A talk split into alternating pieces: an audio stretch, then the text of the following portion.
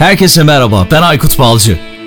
Teknoloji, iş dünyası ve dijitalde trendleri konuştuğumuz Dünya Trendleri Podcast serisinin yeni bölümüne hepiniz hoş geldiniz. Ben Aykut Balcı ve bu bölümde bir komşu platformunu ve sosyal girişimciliği konuşacağız. Belki de sosyal girişimcilik trendlerini tartışacağız. Konuğum Aykut, Arçelik Startup Program Koordinatörü kendisi Aykut Hocaoğlu. Ben her zaman olduğu gibi Almanya'dayım. O da şu anda İstanbul'da.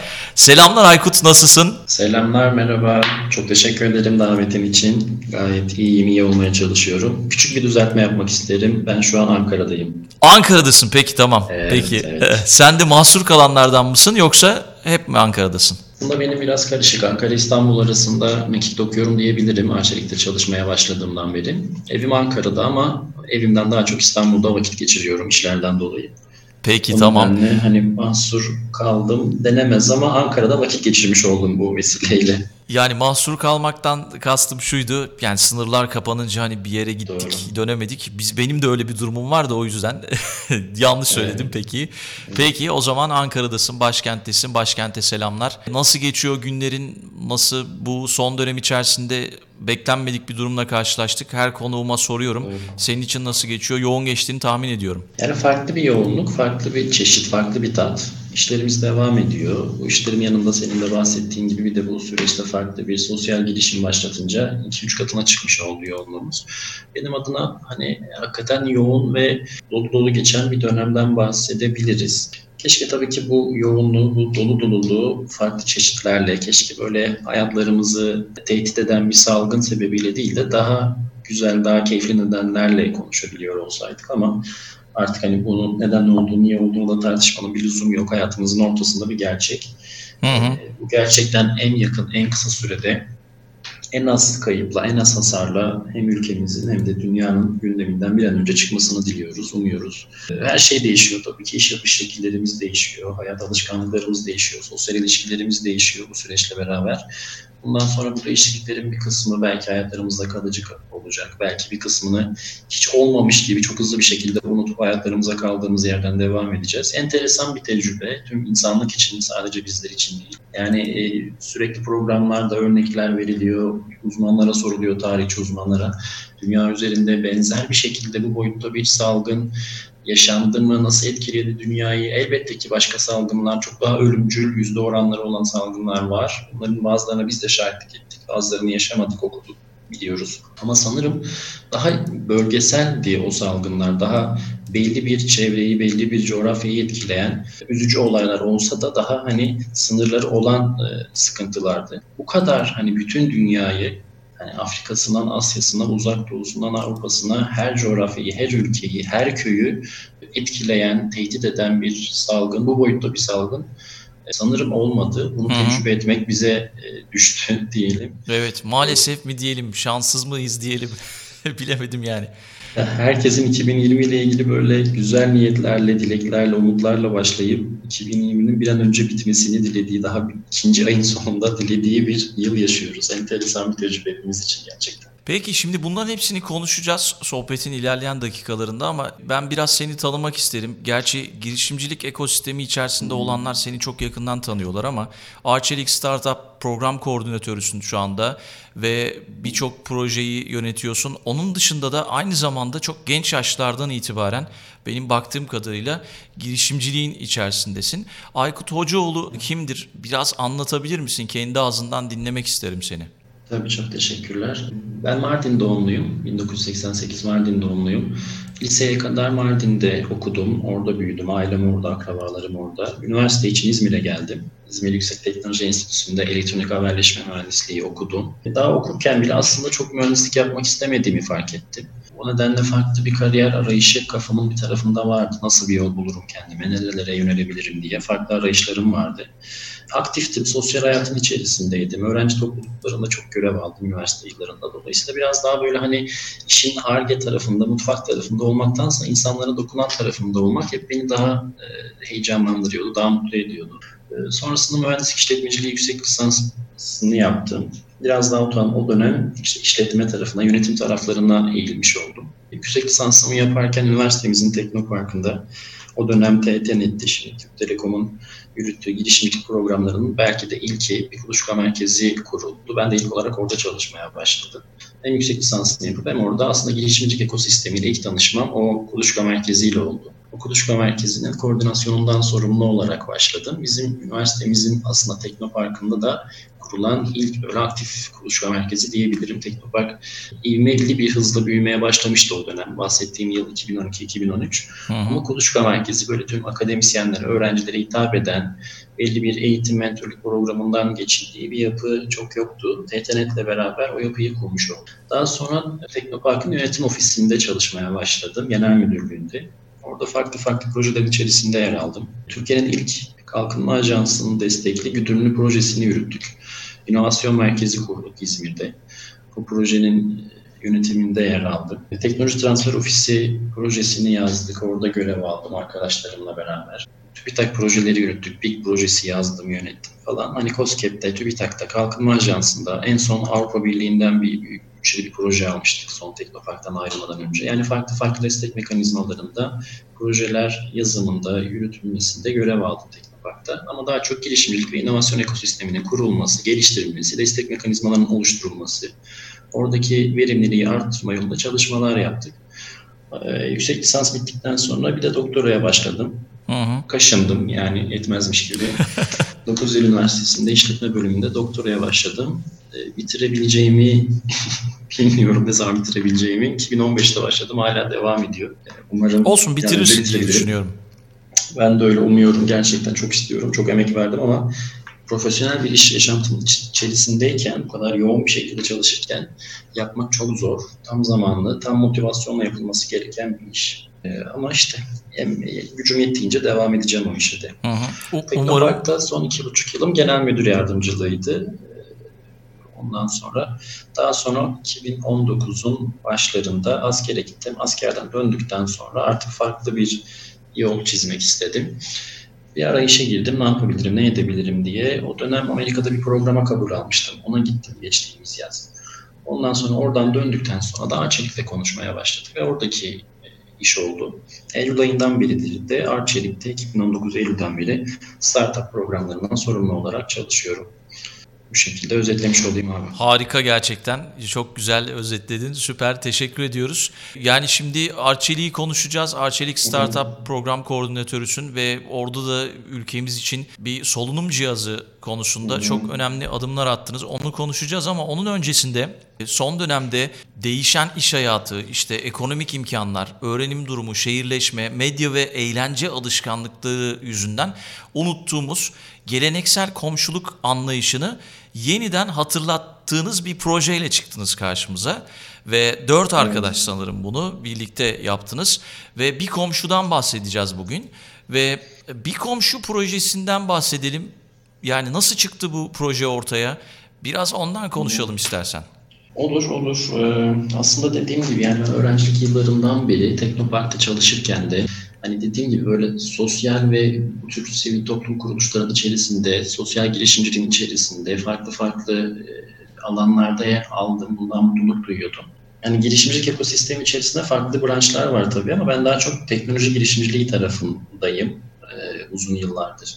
Ama sosyal girişimcilik her tarafım her zaman ilgimi çeken, kendim bir adım atmak at, atmadığım e, başlangıç olarak ama hep kafamda olan bir şeydi. Bu arada doktorunu da bu alanda yapıyorsun yanlış hatırlamıyorsam. Doktoram işletme alanında, şey, işletme bölümünde. Orada biraz daha kamu destekleriyle alakalı bir çalışma yapıyoruz. Kamu desteklerinin Türkiye'deki teknoloji girişimciliğini gelişmesine etkisi, katkıları gibi hani bir genel başlık hı hı. öyle bir yoldan ilerliyoruz. O birazcık daha farklı. Sosyal girişim böyle yani ilgim vardı ama bir türlü bir adım attığım bir durum değildi. İşte bu kriz ortamları biliyorsun her zaman böyle yaratıcılığı tetikler, hı. her zaman belli inisiyatiflerin adım atılması için böyle öncü sebepler olur. Bu, bu işte yaşadığımız küresel kriz de aslında bu, bu işi tetikledi diyebilirim. Ortaya çıktıktan sonra yavaş yavaş e, sosyal hareketlilik azaldıktan sonra, iş yerleri kapandıktan sonra, özellikle günübirlik çalışanlar işlerini kaybettikten sonra bu işin ekonomik boyutunun da çok ağır olduğu günden güne artarak önümüze geldi. Devlet tabii ki çok önemli tedbirler alıyor. Belediyeler bir şeyler yapmaya çalışıyor. Sivil toplum kuruluşları, şirketler, kurumsal firmalar herkes elinden geldiğince bir şey yapıyor, yapmaya çalışıyor ama neticede ortada e, büyük de bir yangın var. Biz de kendi içimizde ne yapabiliriz acaba diye düşündük. Yani böyle kendi kendime düşünürken insanların doğrudan birbirine destek olabileceği, hiçbir aracı kuruma ihtiyaç duymadan ve bunu insanın kendi en yakınından başlayarak yapabileceği bir model kurabilir miyiz acaba diye düşünüyordum. Sonra bu işte komşuluk kültüründen çıkış noktası o oldu. Yani biz her zaman dünyayı değiştirmekten bahsediyoruz ama dünyayı değiştirmek aslında çok küçük bir adımla başlıyor. Önce kendimizi sonra da en yakın çevremizi değiştirmekle o dönüşümü yakalayabiliyoruz. Buna inanıyorum ben.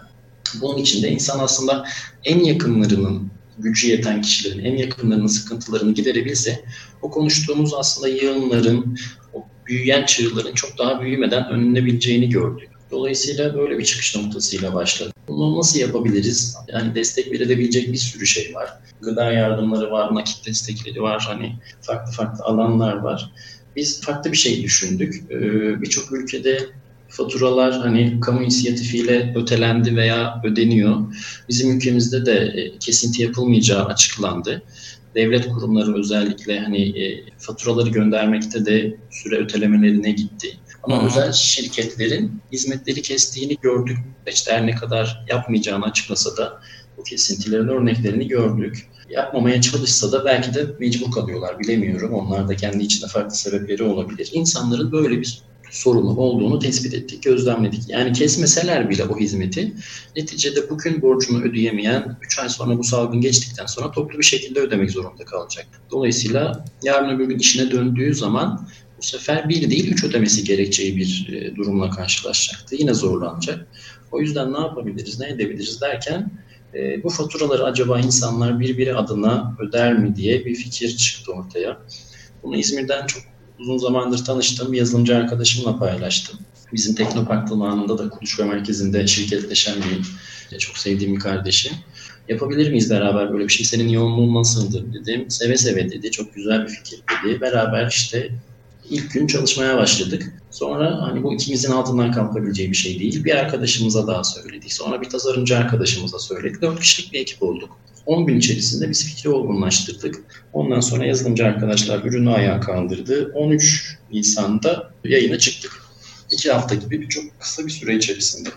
Hı hı. Ee, yani evet ihtiyacı çok net tespit ettiğimizi biliyorduk. Mutlaka kullanılacak sistem. Uzun vadede belki hani şey önemli bir trafiği de yakalayacağını düşünüyorduk ama daha birinci günün sonunda ilk bir ay için düşündüğümüz rakamları yakalamak bizim için tabii ki şaşırtıcı oldu. Beklemediğimiz bir şey oldu.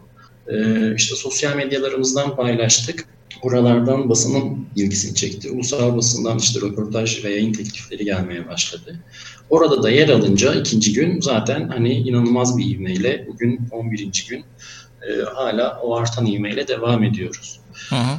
Ee, aslında hani şey girişimci için çok böyle sevilen rakamlar. İşte biz ivmemiz büyüyerek gidiyor, sayılarımız artarak gidiyor, katlanarak gidiyor, kullanıcı sayımız artıyor.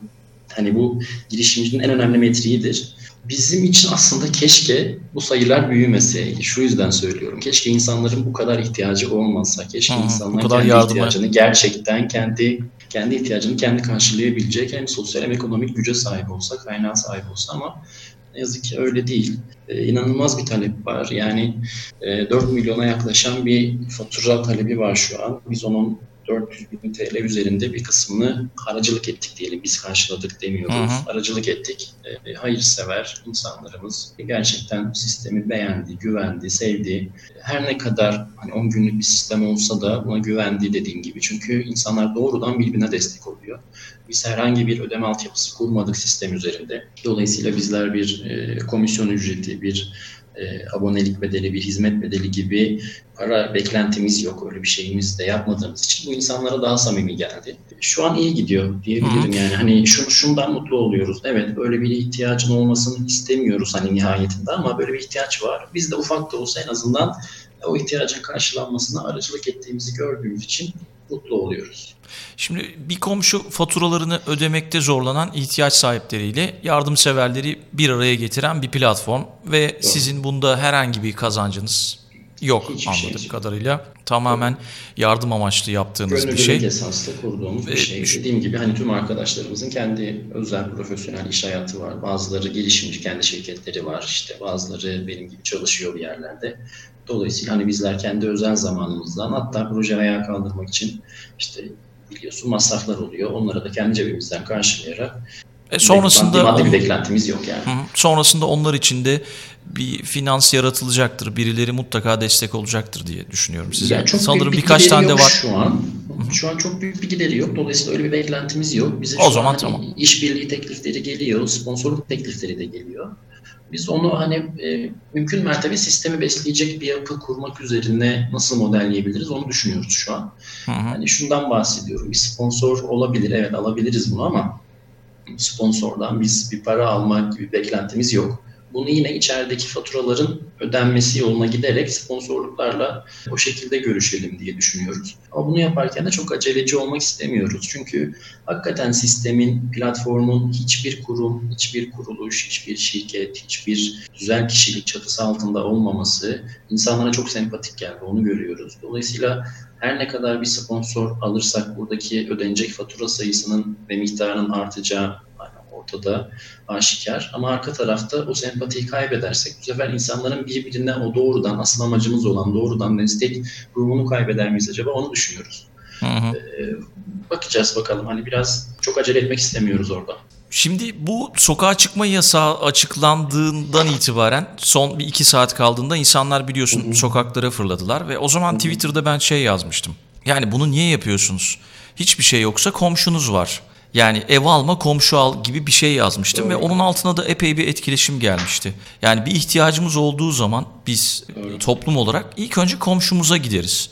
Ki bu sizin düşünceniz de gerçekten benim çok hoşuma gitti. O yüzden mutlaka podcast'te bu konuyu konuşmalıyız diye düşündüm. Hem sosyal açıdan hem de kültürümüzün bir parçası komşuluk. E, çok Baktığımız doğru. zaman işte atasözlerimiz, deyimlerimiz hepsi bir sürü deyimimiz, atasözümüz var komşuluk üzerine. O yüzden yaptığınız iş gerçekten çok değerli ve onun dışında da mesela sosyal medyada ben medyanın içerisinde olan bileyim az çok ama tabii tanınırlığım çok fazla yok ama bana bile çok fazla şey gelirdi. İşte faturalarımı ödeyemiyorum yardım eder misiniz destek olur musunuz gibisinden. İşte az önce de söyledin ya yani keşke olmasa böyle insanlar ihtiyaç sahipleri faturalarını ödemekte zorlanmasa siz de böyle bir şey yapmasanız ama maalesef bu var ve şu anda bu platformda tam da bu ihtiyacı karşılıyor diye düşünüyorum. Peki şeyi nasıl yapıyorsunuz? Yani gerçekten ihtiyaç sahibi olduğunu nasıl anlıyor insanlar? Abi orada bizim aslında bir şeyimiz yok. Bir onay ya da bir karar mekanizmamız yok. Olamaz da. Yani biz insanların sen ihtiyaç sahibisin, sen değilsin diye sınıflandıramayız. Öyle bir etiket koyamayız. Öyle bir yetkimiz de yok. Öyle bir gücümüz de yok. Öyle bir kaynağımız da yok. Yani her şeyden önce regülasyonlar, yasalar bunun önünü engelliyor. Sistemi kurarken aslında aklımızdaki sorulardan bir tanesiydi. Canlıya çıktıktan sonra da en çok karşılaştığımız soru bu.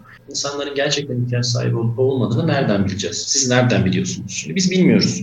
Suistimal olabilir mi? Evet olabilir.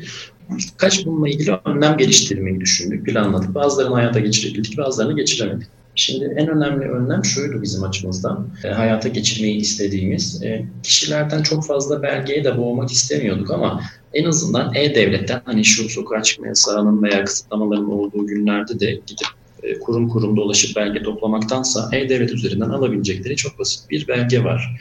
E, SGK hizmet dökümü. Şimdi Hı-hı. orada insanın emekli mi olduğu, çalışan mı olduğu, çalışansa hanesine ne kadar bir para girdiği, e, işsizse işten ne zaman ayrıldığı, bize hani veri olarak verdiği, beyan ettiği şeyleri kontrol edebileceğimiz bir belge. E, öğrenci mi değil mi? Dolayısıyla o belgeyi alıp sistemle biz kontrol ederiz diye düşünüyorduk ama bunu KVKK ile örtüşmediğini uyardı bize hukukçularımız. Dolayısıyla o işe girmek istemedik. O noktadan sonra şunu düşündük. Biz evet suistimal ihtimali olabilir. Her ne kadar olmayacağını düşünsek de olabilir. Çünkü biz bu işi komşuluk diyoruz. Güven ilişkisi üzerine kurmaktan bahsediyoruz. Bir olalım diyoruz, biz olalım diyoruz. Hani konuştuğumuz o pozitif, olumlu cümleler aslında suistimal üzerine bir kurgu yaptığın zaman çelişir duruma geliyor. Biz biraz olumlu tarafından bakıp o tarafı yeşertmek istiyoruz. Unuttuğumuz şeylerden bir tanesi komşuluk, ikincisi de karşılıklı güven. Abi. Dolayısıyla biz güven çatısı üzerine kurmak istedik bütün sistemi. Ama bunun yanında da elbette ki bu insanların kaygılarını da giderecek bir şeyler yapmamız lazım. Ne yapıyoruz biz de? Öncelikle kişi doğrulaması yapıyoruz. Gerçek kişi doğrulaması. Telefon numarasıyla kişiler üye oluyorlar. Dolayısıyla oradan o insanın gerçek kişi olup olmadığını net bir şekilde algılıyoruz ve insanların kafasında aslında bu bir psikolojik bariyer oluşturuyor şeylerde de kullanım koşulları ve sözleşmeler de hazırladık yine hukukçularımızın önerileriyle. Orada da beyanlarda bir tutarsızlık olma durumunda insanların kimliğinin açığa çıkması çok hızlı bir şekilde tespit edilebileceği için insanlar bunu kendi kafasında bir bariyer olarak görüyorlar ki zaten öyle. Ben burada bir suistimale sebep olursam yarın öbür gün başım ağrıyabilir düşüncesiyle orada zaten çok büyük bir filtreyi koymuş oluyoruz abi. Hemen arkasından diyelim ki bunu göze aldı insanlar. Hadi suistimal etmeye devam için böyle bir cesaret gösterdi. Burada minimize etmek için bazı limitler koyduk. Ee, bir kişi örneğin e, beşten fazla fatura geçişi yapamıyor. O faturaların her birinin kendi içinde üst limitleri var. Örneğin su için 100 lira, elektrik için 300 lira gibi. Bir de bunların toplam 5 faturanın toplam tutarı 1000 liradan fazla olamıyor. Dolayısıyla hmm, bir insan gerçekten çok art niyetliyse bile aslında sistemden beslenebileceği çok da bir şey yok. Bunu alışkanlık haline getirebileceği bir durum, bir yapı yok. E, ikincisi şunu söyleyeyim. Destek verenler oraya gelmeden önce bu soruları bize soruyorlar. Ama sisteme girdikten sonra görüyorlar ki gerçekten burada böyle çok da kaygılanacak bir şey yok. Niye söylüyorum? Bir, orada telefon numarası olduğu için olası bir soru işaretinde kişiyle doğrudan irtibata geçebiliyorlar. Destek verenle destek veremeden. Hı hı. İkincisi, e, şimdi o adamın girmiş olduğu faturaya bakıyorsunuz abi. Örnek veriyorum 80 liralık bir su faturası. Onu mobil uygulamadan ya da işte bir ödeme noktasından ödemek istediğiniz zaman o kişinin eski borçları da gözüküyor önünüzde. Hmm, Çoğu doğru. zaman şununla karşılaşıyoruz. O adamın ödenmemiş 2, 3, 4, 2019'un 6. 4. ayından kalan kişilerle denk geldik biz. Şimdi bu adamların yani bir komşu bugün 10 gündür var. Böyle bir şeyi düşünüp ya işte yarın öbür gün birileri bizim adımıza bu faturaları öder biz ödemeyelim deyip bu işi süstimal edebilecekleri bir yapı yoktu ki. Yapı yoktu doğru. Etsinler. Yani dolayısıyla o insanların gerçekten ihtiyaç sahibi olduğunu o destek verenler bu soruyu bir kenara koyup o sisteme girdiği anda zaten kendiliğinden cevap bulmuş oluyor. Bizim Hı-hı. hiçbir şey söylememize gerek kalmıyor. Yani zaten bir de e, şu anda platformu şu açıdan da bakmak gerekiyor. Unuttuğumuz bir kültür, komşuluk kültürünü de yaşatmak adına bir takım komşuluk evet. ritüelleri vardı mesela eskiden. Şu anda şehir hayatının içinde bunları unutmuş durumdayız. Hı-hı. Mesela bilmiyorum sen yaşadın mı? Yeni bir komşu geldiği zaman apartmana hoş geldiğine gidilirdi. İşte bir ihtiyacının olup olmadığı sorulurdu. Tabii, tabii, tabii. İşte ihtiyacı varsa karşılanırdı. İşte mahallenin işte tabii bakkal, işte manav, kasap bu tip şeyler çok fazla kalmadı ama hani büyük marketlere gidiyoruz. Oralarla tanıştırılırdı. İşte yani yeni komşunun yalnızlık duymaması sağlanırdı. Hani bu tip şeyler de olurdu. Mesela Aynen. sonraki adımda... Aslında olurdu demeyelim abi. Yani ben burada lafını kestim çok özür dilerim. Olurdu demeyelim. Ee, olurdu şöyle. Bazı büyük şehirlerde, bazı ilçelerde olurdu ama Anadolu'da hala bu kültür devam ediyor inan bana. Yani evet, var. canlı ve sıcak bir şekilde devam ediyor. Yani bir insanın evinde yemek piştiği zaman onun kokusu çıkmıştır. İşte yan komşuya da gönderelim diye tabak tabak yemekler taşınır her akşam.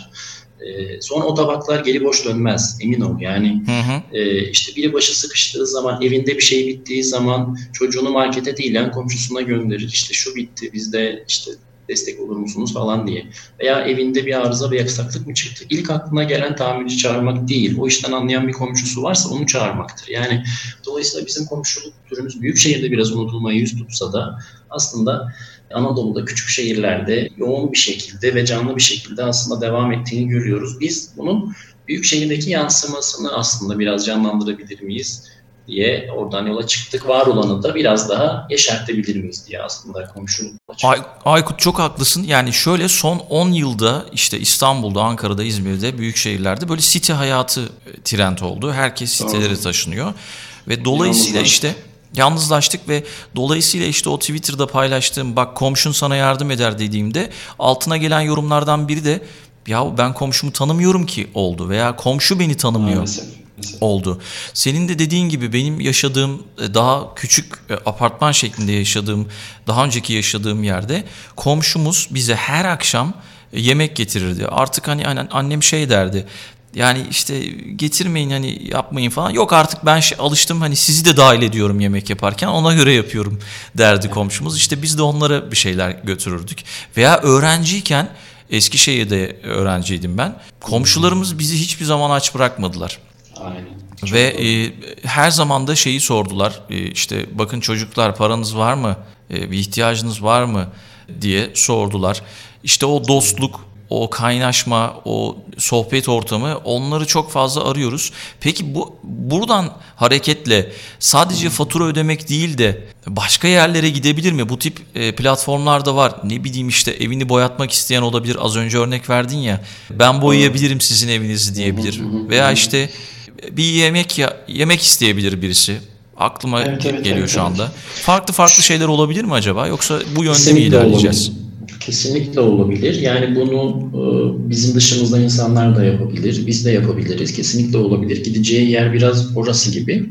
Ben bunu işte ilk bu duyuru tweetini attığım zaman e, Twitter'dan bir arkadaşım yine girişimcilik ekosisteminden e, sen de tanırsın belki Erman. Erman Turan şunu yazdı. E, Şeyde LinkedIn'de takip ediyorum. Yani tanımıyorum Ee, ama şey olarak tanıyorum. isim olarak tanıyorum.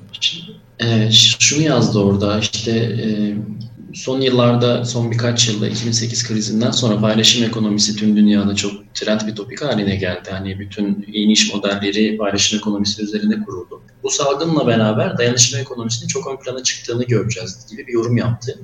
Ben dayanışma ekonomisi e, terimini daha önce hiç kullanmamıştım. Çok da duymamıştım aslında. Onunla beraber çok da sıcak geldi. Gerçekten bunu göreceğimize eminim ben önümüzdeki dönemlerde. Dayanışma üzerine kurulacak bir ekonomiden bahsedeceğiz ve çok da büyüyeceğine inanıyorum ben. Hı hı. Farklı iş modelleri, farklı sektörler için farklı şekillerde hayatımızın içine gireceğine yüzde yüz eminim.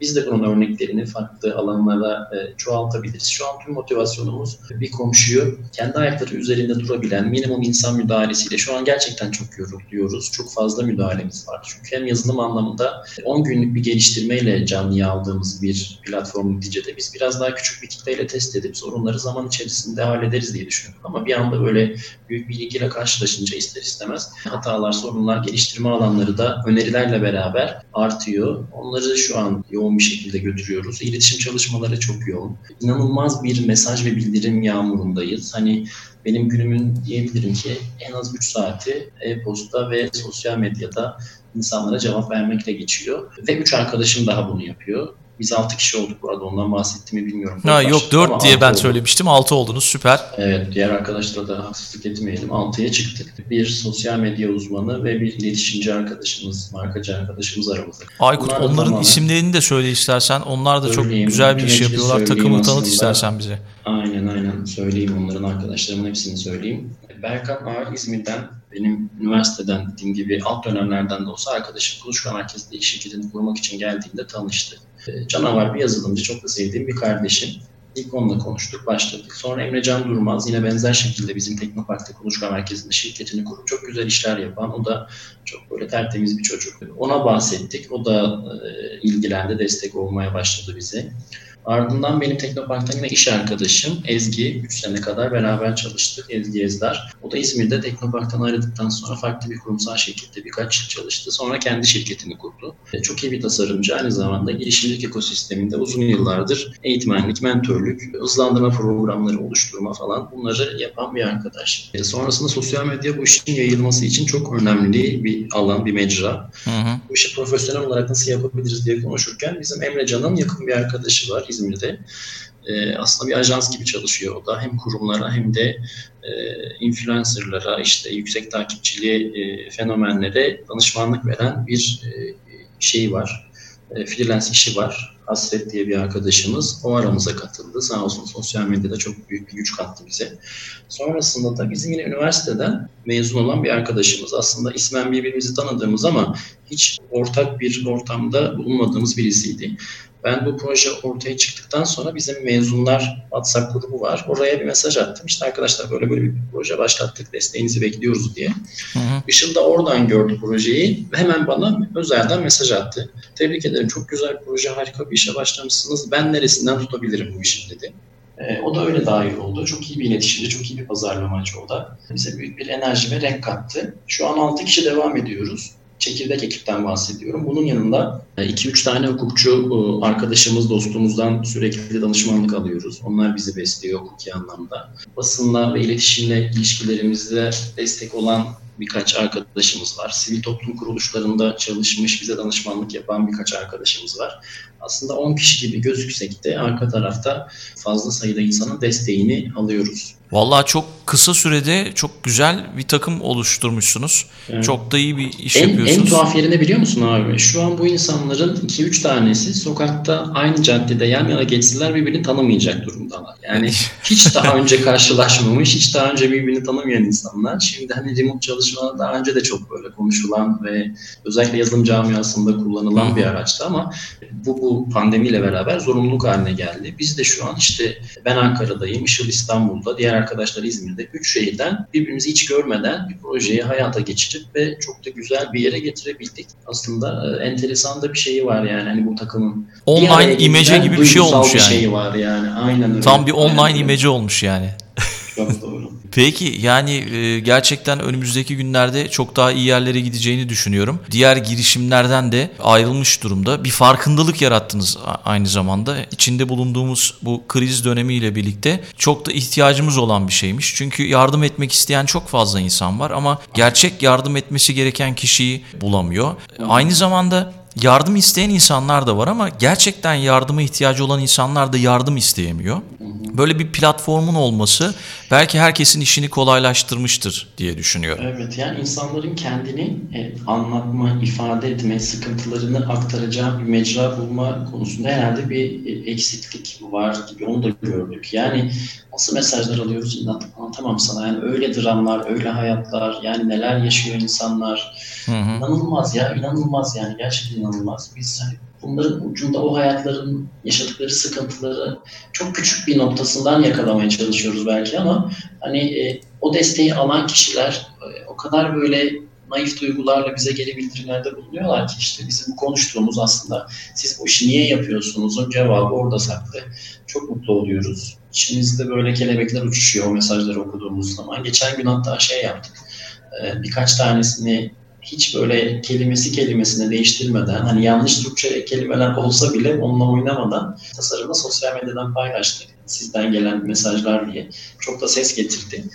140 karakterlik bir mesajla bile o insanın duygusunu o kadar net anlayabiliyorsun ki abi hani o insanın yarasını dokunduğunu, onun yarasına bir bant çektiğini, yalnız olmadığını hissetmek. Orada belki hani 50-100 liralık, 200 liralık bir maddi destek değil. Onun ötesi var orada. Hı hı. Adam ben yalnız değilim diyor. Adam ben sesimi bir yerlere duyurduğum zaman destek olabilecek güzel insanlar var hala bu hayatta diyor.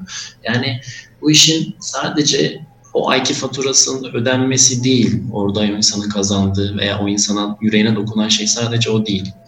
O insanların evinde bir mutluluk oluyor, bir umut oluyor. Sonrası için kendileri için bir motivasyon ve hedef belirliyorlar. Bize çok fazla mail geldi. Çok zor durumdayız ama bu günlerin geçeceğine inanıyoruz. Biz de bu günler geçtikten sonra bu sistemde destek veren tarafta olacağız diye. Bunlar bizi hakikaten çok mutlu eden tarafları bu projenin.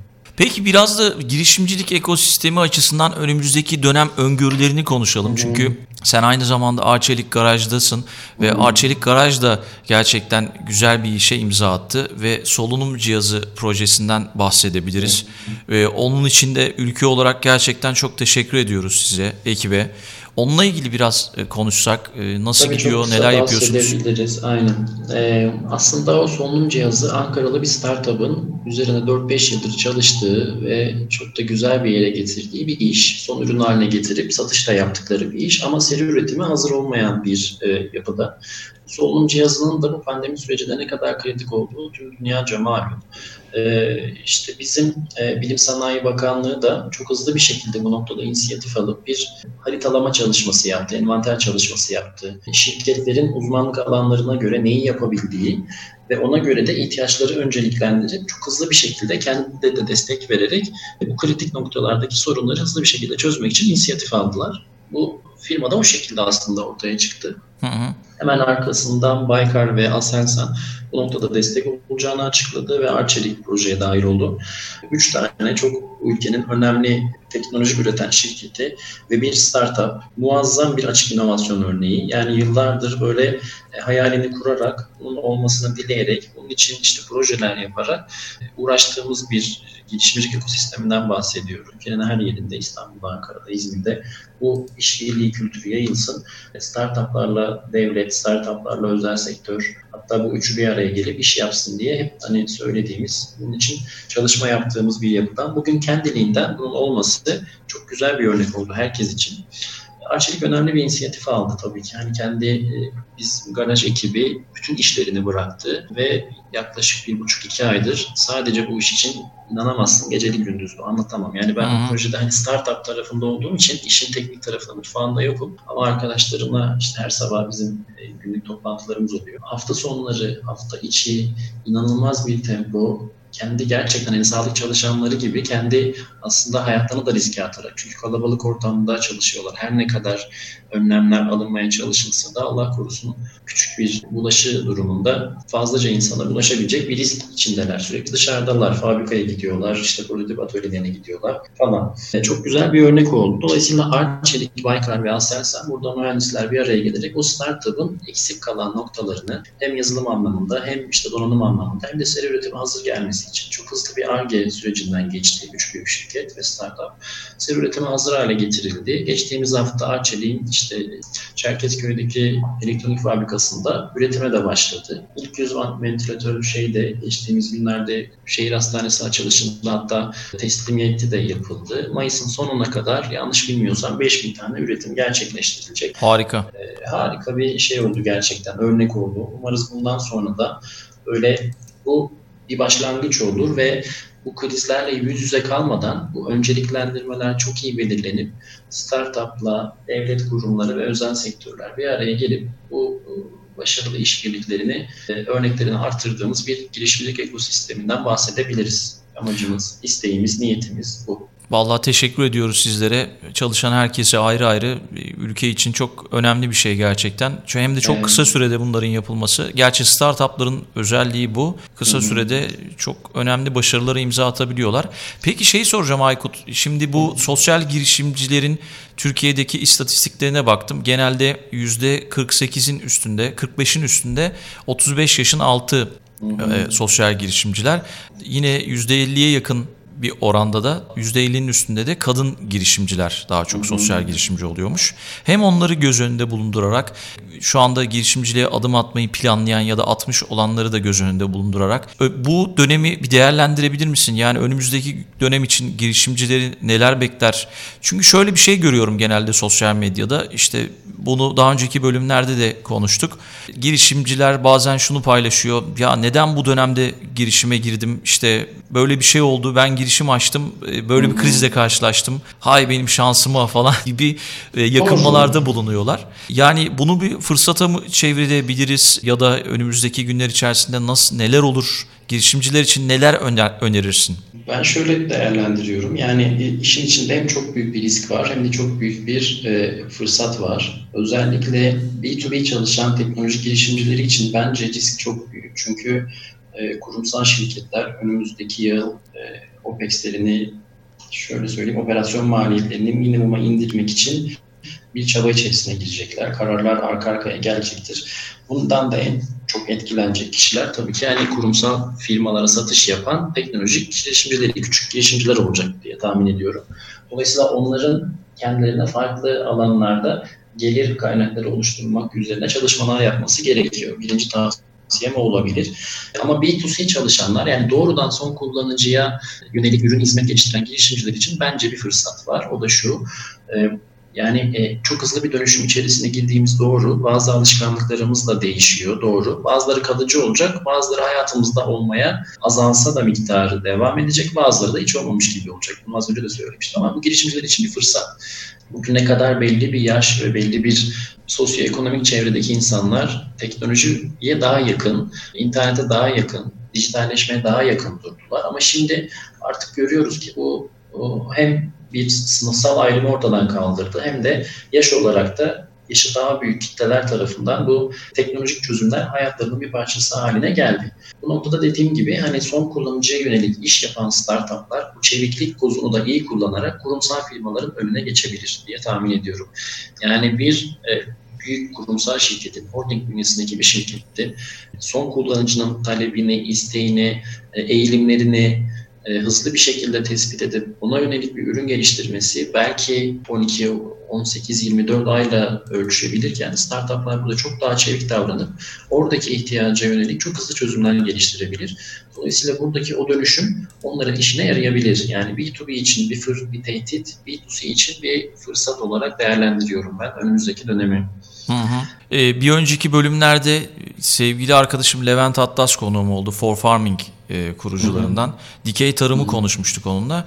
O da şöyle demişti. O da çok e, uzun dönemdir girişimci değil. İlk girişimimi yaptığımda darbe çıkmıştı dedi. Şimdi de bu çıktı. Hı. Ama onda şey görmedim yani. Olumlu bakıyordu. Belki de girişimcilerin biraz daha olumlu bakması gerekiyor e, önümüzdeki ya olumlu, dönem için. Şöyle yani hani olumlu bakmak iş dünyası için bir yerde bir faydası var ama girişimci için yani matematik o kadar çok fazla kriterle işlemiyor. Yani fonksiyonlar, polinomlar çok bilinmeyen değişken değil. Biraz daha az bilinmeyen değişken. Yani finans burada çok önemli bir kriter. Hı hı. Dolayısıyla siz orada o startupların gelişme döneminde, ürün geliştirme döneminde, AG yaptıkları süreçte yani bir gelirleri olmadığı dönemde onu besleyecek bir finansal modeliniz yoksa onlar istedikleri kadar olumlu baksınlar. Yani iki kere iki dört para yok yapamıyor yani. Hani nereye kadar dayanabilir ki o adam? Dolayısıyla oradaki o finansal kaynaklar onları besleyecek modeller çok önemli ve çok kritik. Elbette ki psikolojilerimizi iyi tutalım, olumlu yönlerinden bakalım, fırsatları görüp o tarafa eğilelim ama hani bu şey de olmasın. Bu arada Levent böyle yapıyor diye söylemiyorum yanlış anlamadım. Hı, tabii tabii yok yok. Ben sadece istemem. aklıma geldi örnek verdim. Aynen hani bu şeyde böyle ayakları yere basmayan bir iyimserlik de çok da geçerli olmayacaktır. Onu söylemek istedim sadece. Peki. Yavaş yavaş sona geliyoruz Aykut. E, kapatırken Hı-hı. bu son dönem içerisinde eminim sen de evdesin. Bu trafiğe vakit ayırmıyoruz. Evde çok daha fazla evet. vakit geçiriyoruz ve kitap okuyor musun? Kitap önerisi alabilir miyiz senden? Böyle bir şey soracağım. Hı-hı. Ya da neler yapıyorsun son dönemde? Son dönemde bütün mesaim e, işte bir komşu ve Arçelik'teki işleri götürmek üzerine. Yani 16-17 saat aslında bilgisayar başında, iş başındayım. Dolayısıyla film, dizi, çoğu insanın hayatında hayatımda büyük bir yer kaplayan Netflix benim için böyle uzaktan baktığım şeyler. Birkaç roman vardı elimde onlara işte bir tanesi yarım kaldı, bir tanesine hiç başlayamadım bile bu süreçte hızlıca okurum diye aslında şey yaptım, listeme aldım. E, ama bir komşudan dolayı okumaya fırsat bulamıyorum açıkçası. Aslında şunu şöyle cevaplayabilirim belki biraz önce hani girişimcilerin o mücadeleci şeyinden de oraya da bir dokunacak şekilde benim hayatımda çok önemli aslında şeyler bırakan, iz bırakan iki tane kitap önerisinde bulunabilirim belki. Hani o oraya bağlıyorsan soruyu. Uzak Doğu felsefesinin çok iyi yansıması iki tane kitap var. Çok da aslında eskiden beri hayatımızın içinde olan kitaplar. Birçok kişinin bildiği kitaplar bunlar. İş hayatında da böyle başucu kitapları olarak kullanılmaya başlanmış şeyler. Bir tanesi Thick Face, Black Heart diye bir kitap. Gerçekten bir insanın iş hayatında aslında bir savaş sanatı kitabı ama iş hayatında alabileceği pozisyonlar, karşılaşabileceği zorluklar, ona yönelik nasıl bir tutum ve nasıl bir bakış açısıyla hayatta kalabileceğini çok güzel anlatan bir kitap. Benzer şekilde Sun Tzu'nun yine Savaş Sanatı kitabı var. Bunlar hani girişimciliğin bence en olmazsa olmaz duygularından ve yeteneklerinden bir tanesi mücadelecilik, savaşçı ruh. Bunları besleyen ve o tür hani kriz anlarıyla karşılaştığı zaman nasıl davranabileceğiyle alakalı çok güzel örneklerle besleyen iki kitap. Hani girişimcilikle ilgili kitap önerisi diye Google'a bile yazsanız bir sürü kitap çıkıyor. Hepimizin bildiği, okuduğu. Ben hani böyle biraz daha farklı bir bakış açısıyla yaklaşıp e, bu iki kitabı söylemiş olayım size. Güzel bir öneri oldu. Çok da verimli geçtiğini düşünüyorum. Bizi dinleyenler çok şey öğrenmiştir. Çok teşekkür ediyoruz sana Aykut katıldığın için. 16 saat çalışıyorsun. Bana da vakit ayırdın. Gerçekten çok, çok sağ ol. Çok sağ ol. Ekibe de çok teşekkür ediyoruz. Unuttuğumuz bir şeyi tekrar gün yüzüne çıkardınız komşuluk kültürünü ve önümüzdeki günlerde bikomşu.com e, üzerinden tabii bu linkleri hepsini açıklama kısmına yazacağım podcast'in. Çok Bir komşu çok daha yükselecektir diye düşünüyorum. Çok sağ olun gerçekten. Teşekkür Biz, ederiz. sizlerin sahiplenmesiyle oldu bu iş abi. Tekrar söyleyeyim. Bizler aslında hani küçük bir aracılık için bir adım atmış olduk ama bu bu kadar sahiplenilmesi, her kesimden bu işin ilgiyle yayılması için hakikaten bizim böyle şeylerimiz oldu. Gönül elçilerimiz oldu, bir komşu elçilerimiz oldu. Sosyal medyada çok net görüyoruz bunu.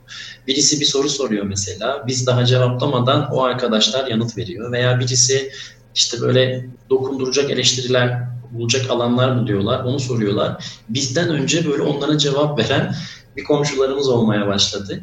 Dolayısıyla bir komşunun bu kadar yayılmasının, bu kadar sahiplenilmesinin, sevilmesinin nedeni sizsiniz. Yani hani siz bugün bir komşuyu değer verip bizi programa davet ettiniz. Çok teşekkürler. Diğer basın kuruluşları aynı şekilde. Platformu kullanan ve destek veren kişiler aynı şekilde.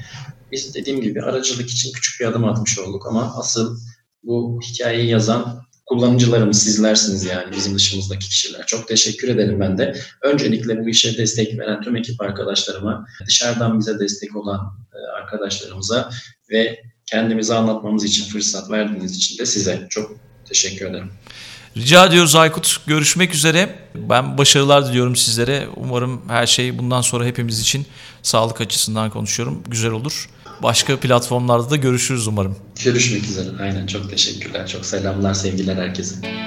Dünya Trendleri Podcast serisinin bu bölümünün sonuna geldik. www.dünyatrendleri.com Twitter'da @dünyatrendleri, Instagram'da dünya.trendleri adreslerinden Dünya Trendleri Podcast'i takip edebilirsiniz. Unutmayın önerileriniz ve merak ettikleriniz içinse info.dünyatrendleri@gmail.com adresinden mail atabilirsiniz. Bu bölümü dinlediğiniz için çok teşekkürler. Yeni bölümde tekrar buluşmak üzere.